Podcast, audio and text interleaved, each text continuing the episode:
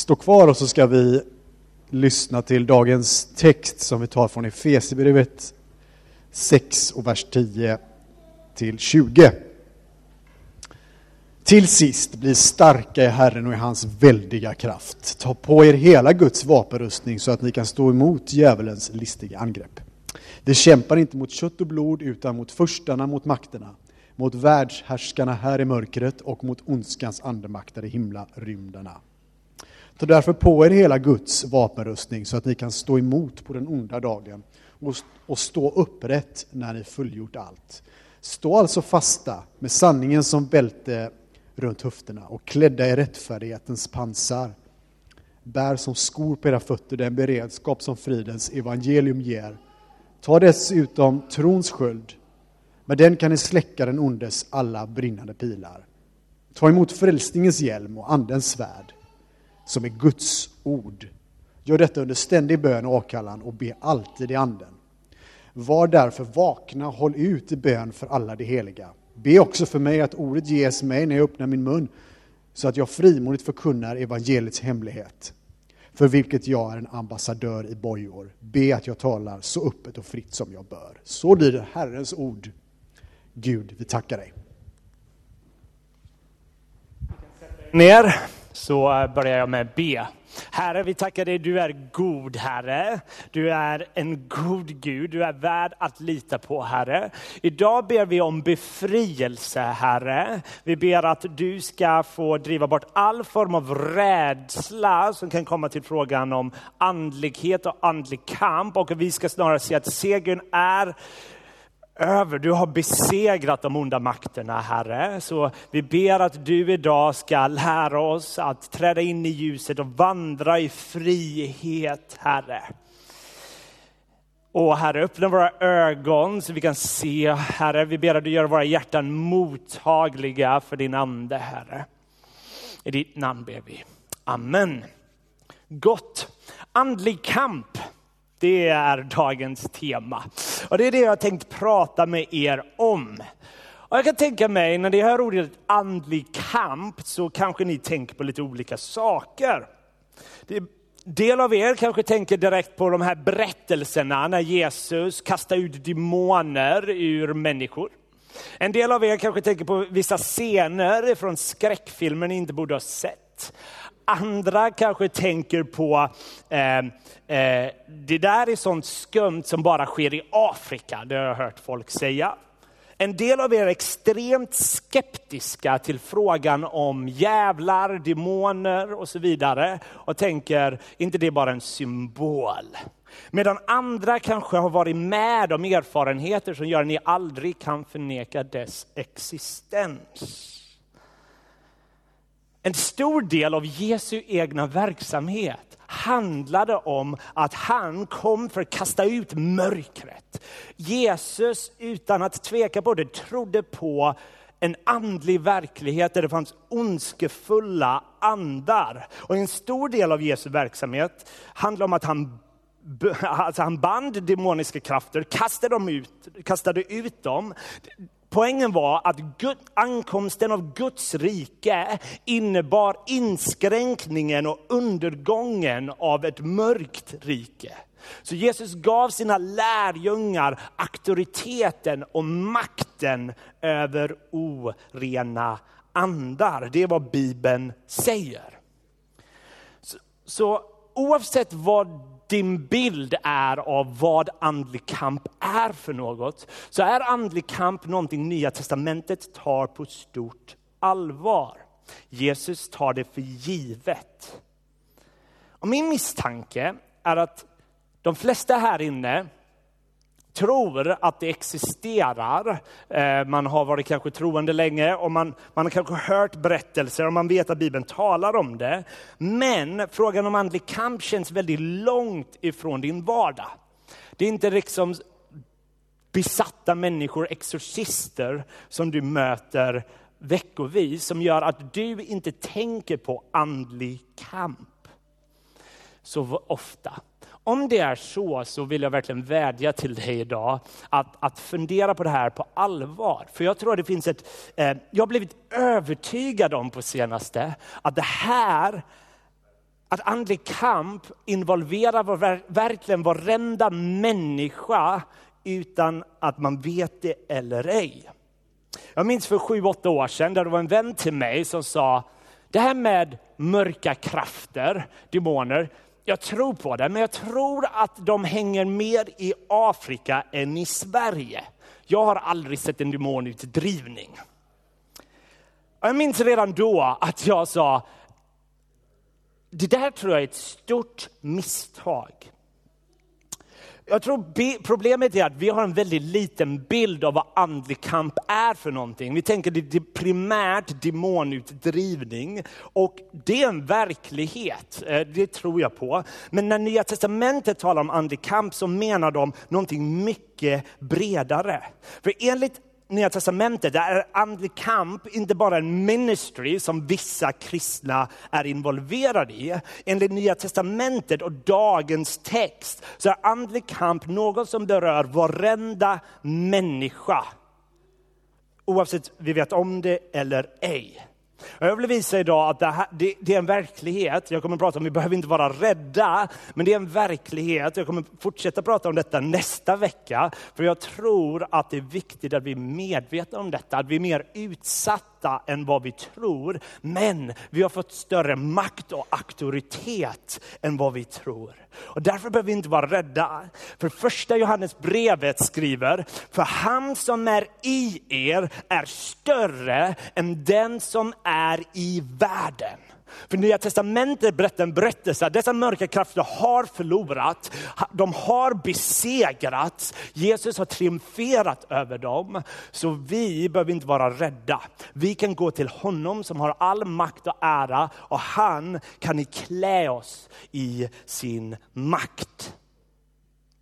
Men jag tror det finns två vanliga diken som jag tror dessa onda makter vill att vi ska hamna i. Eh, låt mig citera C.S. Lewis, det är en väldigt gammal svensk översättning här, men han uttrycker det väl. Så här skriver han. I frågan om jävlarna kan människosläktet råka ut för två villfarelser. Bägge lika stora fast av diametralt motsatt slag. Den ena är att inte tro på deras existens. Den andra är att tro på dem och hysa ett överdrivet och osunt intresse för dem. C.S. Lewis säger att det finns två diken. Ett diken är att vi tänker på den här andliga världen på ett väldigt osunt sätt. Vi har en eh, osunt intresse för det. Vi kanske ser en demon bakom varenda buske. När någon behöver eh, psykolog, en psykolog att hjälpa så tänker vi nej, han, behöver, han har en demon. Och det kan leda till att vi får en märklig relation till denna världen. Antingen så får vi en, en, en, en osund rädsla eller så kan vi få en väldigt osund fascination för dessa saker. Men jag tror de flesta i Sverige, de är inte i det diket. Det finns folk i Sverige som är i det diket. Men de flesta är inte ens i närheten av det diket. De flesta är i andra diket, som inte tror att djävulen existerar eller att han i alla fall är verksam i, i din närhet. En person sa att djävulens största trick han någonsin har gjort var att lura att han inte existerar. Och jag tror att det finns något lurigt i att vårt samhälle reducerar alla konstigheter till att bara en, bero enbart på psykologiska och sociologiska faktorer. Så, så man försöker hitta en vetenskaplig förklaring på allt. Och ibland tror jag det kan vara en kombination av dessa grejer. Vi ska inte sätta dessa grejer mot varandra. Men Paulus tar för givet att det finns krafter i denna världen och det är därför ondska är någonting som är så återkommande i vår värld. Låt oss påminnas av Paulus. Paulus var med om kamp i sitt liv. Han förföljdes av människor, han fängslades av människor, han hånades av människor. Riken arresterade honom, ah, eh, generaler dömde honom. Det var människor som förföljde honom om och om och om igen. Men trots det så skriver Paulus i vers 12 idag. Vi kämpar inte mot kött och blod utan mot förstarna, mot makterna, mot världshärskarna här i mörkret och mot ondskans andemakter i himlarymdarna. Paulus ser bakom dessa människor så finns en annan verklighet. Bakom dessa människor så finns det någonting som inte kan förklaras att bara vara mänskliga faktorer. Bakom onda nationer, bakom förtryckande system så finns det en annan andlig verklighet. Så Paulus vill inte att vi ska underskatta dessa krafter. Vi ska inte heller överskatta dem, de är besegrade. Men vi ska inte underskatta dem. Och jag tror att det, det, finns dessa krafter som vill ha inflytande på vårt liv utan att vi märker det. För jag tror att vi, det är väldigt lätt att gå vidare i sin vecka, arbeta och tänka att de flesta platserna du är i är andligt neutrala zoner. Så du är på jobbet, det är en andligt neutral zon. Du går till köpcentret, det är en andligt neutral zon. Och det är inte sant. Det finns ingen andligt neutral zon. Jag är övertygad om att det finns en andlig verklighet som vill splittra din familj, ditt äktenskap. Eh, det finns en, en, en kraft som vill splittra vår kyrka och framförallt vill sätta hål i vår tro till den levande guden. Jag tror det finns en ond verklighet som vill komma med lögner för att vi ska inte lita på Gud. Jag tror det finns makter i den här världen som vill forma oss efter efter ett annat rike än Guds rike. Och därför uppmanar Paulus oss i dagens text. Ta på er hela Guds vapenröstning så att ni kan stå emot djävulens listiga angrepp. Paulus säger, ta på röstningen, då kommer ni stå emot dem. Och det beskrivs att djävulen har listiga angrepp. Han har olika strategier som är subtila. Och det är inget nytt. Ända sedan första Mosebok 3 så konfronterar ormen Eva och han ständigt blandar ihop lögn med halvsanningar. Han gör allt för att Eva ska tvivla på att Gud är god, att Gud är att lita på. Och han försöker få Eva att tro att Gud försöker hålla undan saker från oss som vi behöver. Att Gud inte vill vårt bästa. Och därför tror jag det finns en andlig makt som försöker plantera tankar, försöker få dig in på andra spår. Det kan vara frestelser. Han vet dina svagheter och gör allt för att du ska göra beslut som ser ut att vara värt det, men kommer förstöra ditt liv. Han kanske väljer att få dig att minimera bilden av vad synd är och vikten av helighet. Eh, och kanske bara betonar Guds kärlek. Ah, det är Guds jobb att förlåta, kom igen. Du kan, ingen vet hur många uppoffringar du har gjort. Du förtjänar lite extra. Han försöker ge dig en för hög syn på dig själv så att du ska anamma din självständighet och tro att frihet finns när du, du säger, jag vet vad som är rätt över vad Gud säger. Han kanske vill att du ska börja tvivla på att Gud är värd att lita på, att Gud är verkligen Gud, är god. Han kanske säger, har Gud verkligen sagt? Skall du verkligen låta ditt liv begränsas av han där uppe? Han döljer saker från dig. Om du vill bli fri, ta av frukten. Då blir du fri. Men djävulen utlovar alltid vad han inte kan ge. Han ljuger, han är lögnens fader, han utlovar ständigt människor frihet, han ger dem bara slaveri. Det är därför människor ständigt anammar sin självständighet, men människor mår sämre än någonsin. Till Jesus sa han, tillbe mig så får du alla riken. Han försökte utlova vad han inte kunde ge. Han säger kanske att den här syndiga relationen kan ge dig en sann glädje och frihet. Eller han kanske lurar dig att oförlåtelse och bitterhet kommer dämpa din smärta smärta och ge dig tröst. Men det kommer aldrig ske för det är en lögn. Och efter frestelsen så kommer anklagelsen. Plötsligt så maximerar han synen på vad synd är och minimerar Guds kärlek. Och ständigt kommer med anklagelser som får dig att tvivla på Guds kärlek och vem du är i Jesus. Och du möter ständigt skam.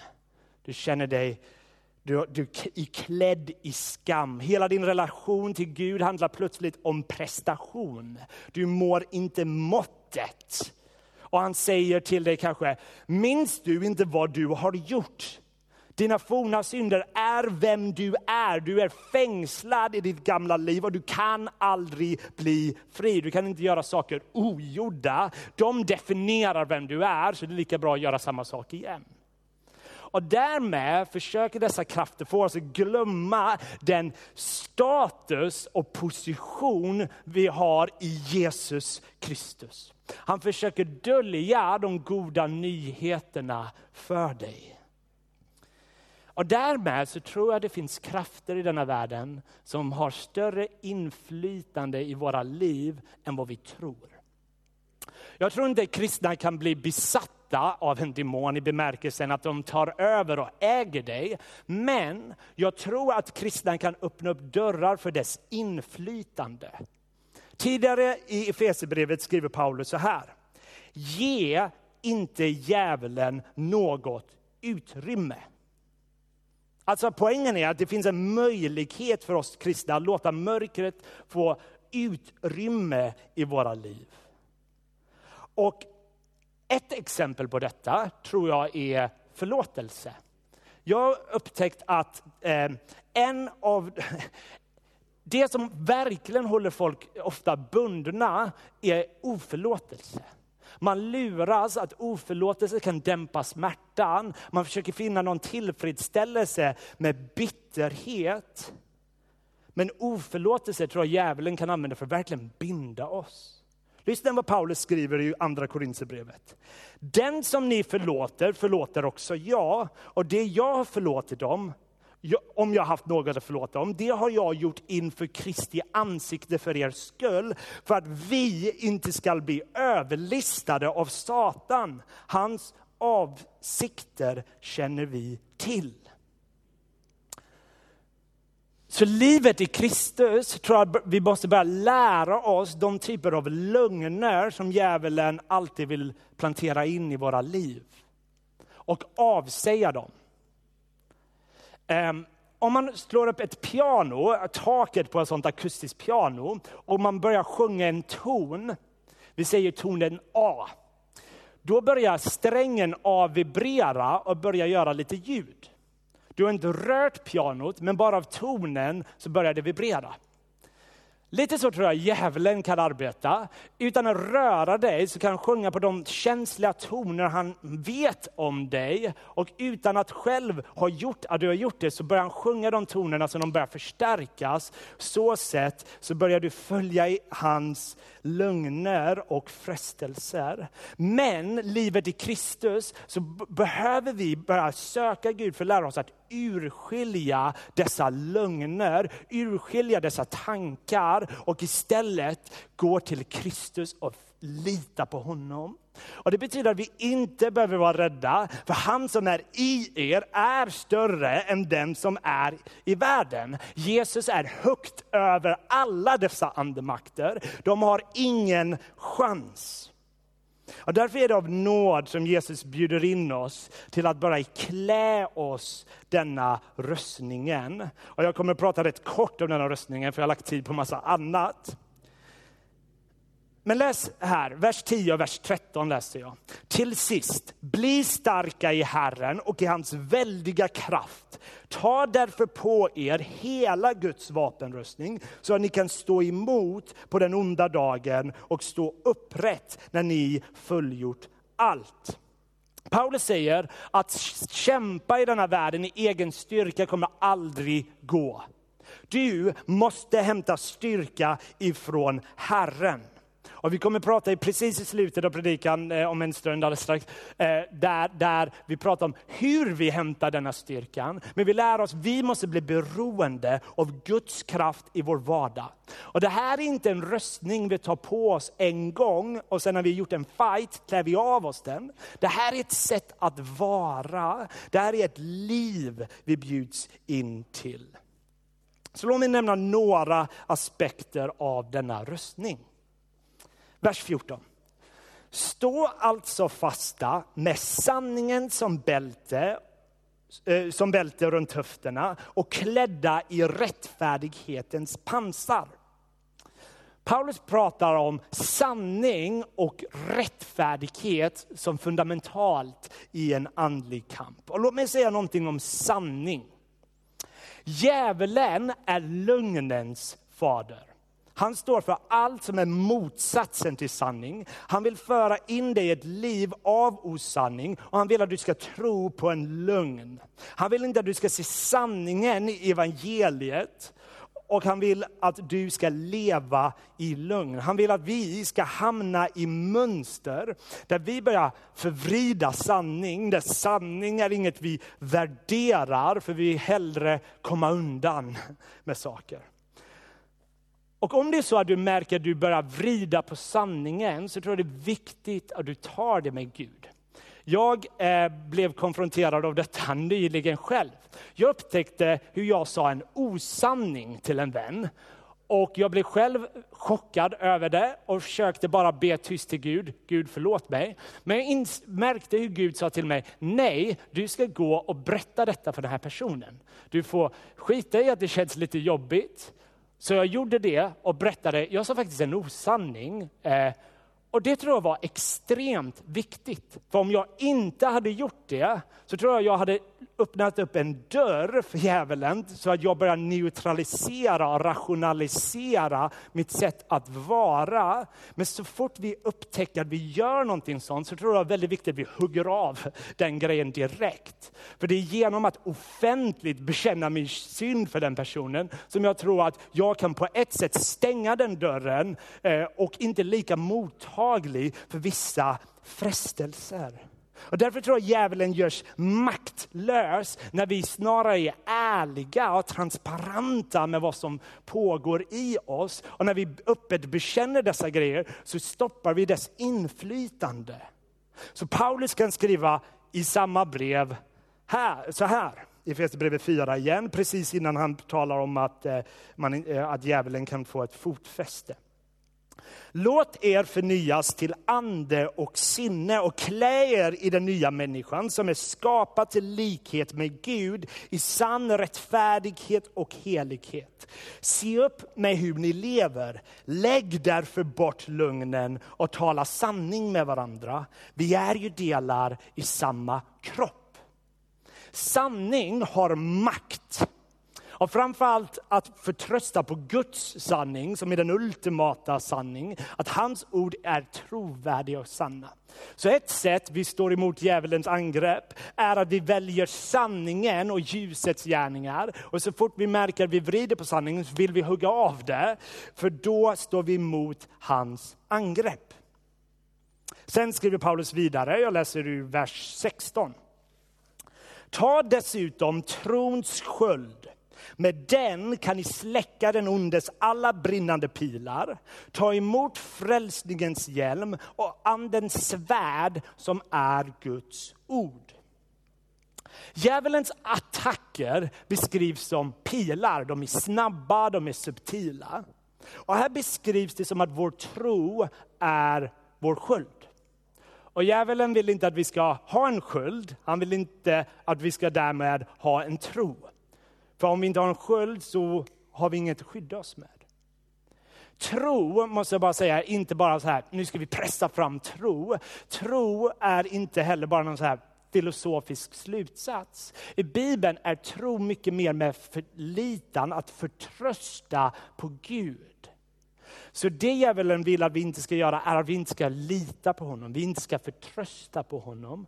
För det är då vi är som mest mottagliga för lögner i vårt liv. Men det är när vi litar på han och vad han säger som djävulens ord inte längre kan hugga. Så om han säger, du är den du en gång var. Du kan inte förändras, du är fast, du är inte älskad. Då kan vi ta upp vår sköld och säga, nej det är inte sant för jag litar på min Herres ord. Jag är förklarad rättfärdig, jag är förklarad som hans barn.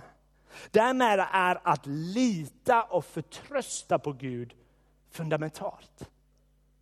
Sen beskrivs vårt svärd att det är Guds ord. Och begreppet Guds ord det kan antingen betyda evangeliet eller så kan det betyda Bibeln. Om Paulus poäng är Bibeln så är det här väldigt likt vad Jesus gjorde när Jesus frestades av djävulen i öknen. Där djävulen kom med lögner, vred sanningen eh, och gjorde det till lögn. Och Jesus svarade ständigt, det står skrivet. Det står skrivet. Vi behöver Guds ord, för det är dem vi måste lära oss att lita på i alla omständigheter. Det är Guds ord som kan tysta anklagelser. Det är Guds ord som kan proklamera sanning över lögn. Och varje gång vi kanske konfronteras med en, en lögn om att vi, vi, vi inte är Guds barn, så kan vi påminna oss, nej, inget kan skilja mig från hans kärlek. Eh, inget eh, kan stoppa detta. Jag är renad i hans blod, jag är tvättad ren, jag tillhör honom. Och vi lär oss att frihet finns endast i Jesus och ingen annanstans. Så då betyder det att andlig kamp innebär att vi måste lära oss att lita på Gud och lita på hans ord som kan tysta anklagelser. Och till sist skriver Paulus så här. Gör detta under ständig bön och åkallan och be alltid i anden.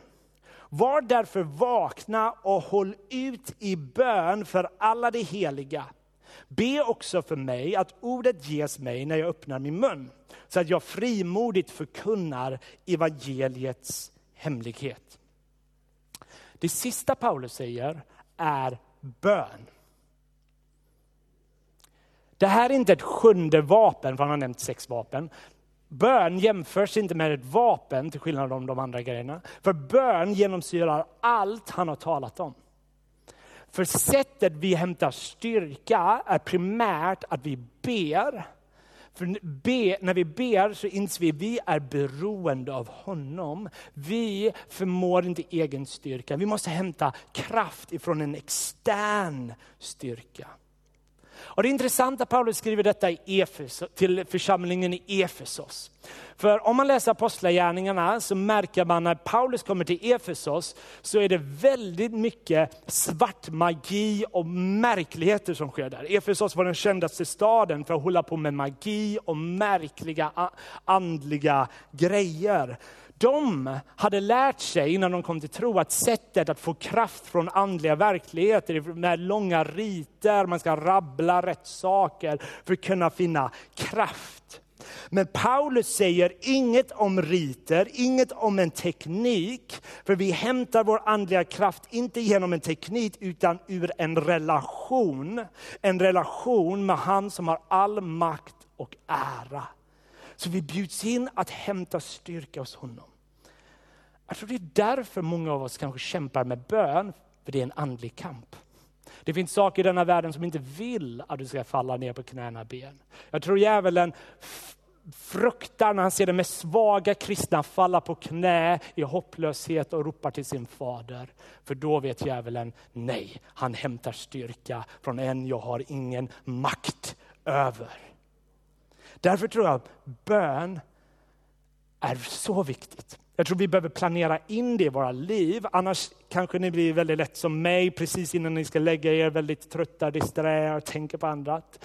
Jag tror det är viktigt att vi värderar bön, så vi ständigt är i bön. Vi tar tillfällen i våra liv och att vi faktiskt ber för varandra, för varandras relationer, för äktenskap, för vår kyrka, för våra kollegor. För jag tror det finns grejer som vill sätta sprickor överallt. För djävulen vill splittra, han vill inte ena. Och därför tror jag vi måste be enskilt, med varandra. Och därför tycker jag det är så vackert att Paulus säger att man ska be för alla heliga här. För Paulus inser att vi har ett ansvar tillsammans i den här andliga kampen. Att vi inte är individer som slåss själva. När Paulus skrev detta så visualiserade han sig förmodligen framförallt romarrikets soldater och de gick inte enskilt, de gick i en grupp. De hade sköldar så, en hade sköldar framme, en där uppe. De samarbetade. Och det är vad vi är kallade till. Vi är kallade till att be för varandras äktenskap, för våra, våra situationer, för vår frimodighet, för, så vi kan motstå frestelser och anklagelser. Och därför tror jag det är väldigt viktigt att vi är transparenta och, och har andliga vänner där vi kan faktiskt berätta vad som pågår här inne. För de kan hjälpa oss att säga, det där är en lögn, lyssna inte på det där. Eller så kan de ge dig de goda nyheterna, men evangeliet är för dig med. Du behöver återupprättelse. Därför behöver vi det här andliga kristna gemenskapen. För jag tror djävulen vill att vi ska separera, vi ska isolera. Så när man känner andlig tryck så känner man sig ensam och man känner ingen förstår mig och man försöker gå ifrån andra. Och det är vad djävulen vill tror jag. Vi måste starta söka anden tillsammans som ger oss band som är starkare än kött och blod. För vi delar en och samma helig ande. Och därför måste vi be. Så avslutningsvis här, vi behöver inte vara rädda. Jesus har besegrat dessa makter. Nästa vecka kommer jag prata lite mer varför han har besegrat, eller hur han har besegrat dem och varför de är aktiva fortfarande. Men han har besegrat dem. Demonerna är rädda för honom i evangelierna, för de vet att de har inget, de kan inte stoppa honom. Och därför är min inbjudan till dig att du ska låta han få ta rot i ditt hjärta mer och låta din, hans frihet ta utrymme i hela dig. För det kan vara så att du kanske brottas med prestation med, när det kommer till din relation med Gud. Och då, då är de goda nyheterna att du kan komma till Jesus. Han kan göra allting nytt. Han vill bära dina bördor. Det kanske är så att du brottas med anklagelse, fördömelse i ditt liv. Kom till Jesus, han kan göra allting nytt. Du kanske brottas med en synd du inte tror du kan lyckas med att bli fri med. Kom till Jesus, han kan göra allting nytt. Du kanske brottas med rädslor i ditt liv och tror att du, du är orolig ständigt. ständigt. Kom till vår Herre, han kan göra allting nytt. Vad än du bär på så vill Jesus bära det med dig och befria dig. Och vad än du bär på så finns det bröder och systrar i det här rummet som vill vara med och bära. Du är inte ensam. Det är Satans lögner som säger det i så fall. Det finns frihet, det finns gemenskap eh, och det finns glädje i hans namn. För han som är i dig är större än han som är i världen. Och inget kan skilja dig från hans kärlek. Så låt mig bara avsluta, och sen slutar jag direkt, avsluta med en av mina favorittexter i Bibeln som proklamerar denna sanning. Det är Romarbrevet 8. Vad ska vi nu säga om detta? Om Gud är för oss, vem kan då vara emot oss? Han som inte skonade sin egen son utan utlämnade honom för oss alla, hur skulle han kunna annat än också skänka oss allt med honom? Vem kan anklaga Guds utvalda? Gud är den som frikänner. Vem är det som fördömer? Kristus Jesus är den som har dött, ja än mer den som har blivit uppväckt och som sitter på Guds högra sida och vädjar för oss. Vem kan skilja oss från Kristi kärlek? Nöd eller ångest, förföljelse eller svält, nakenhet, fara eller svärd? Det står skrivet, för i din skull dödas vi dagen lång, vi räknas som slaktfår. Men i allt detta vinner vi en överväldigande seger genom honom som har älskat oss. För jag är viss om varken död eller liv, varken änglar eller förstar, varken något som nu eller något som ska komma, varken makter, höjd eller djup eller något annat skapat ska kunna skilja oss från Guds kärlek i Kristus Jesus, vår Herre. Amen.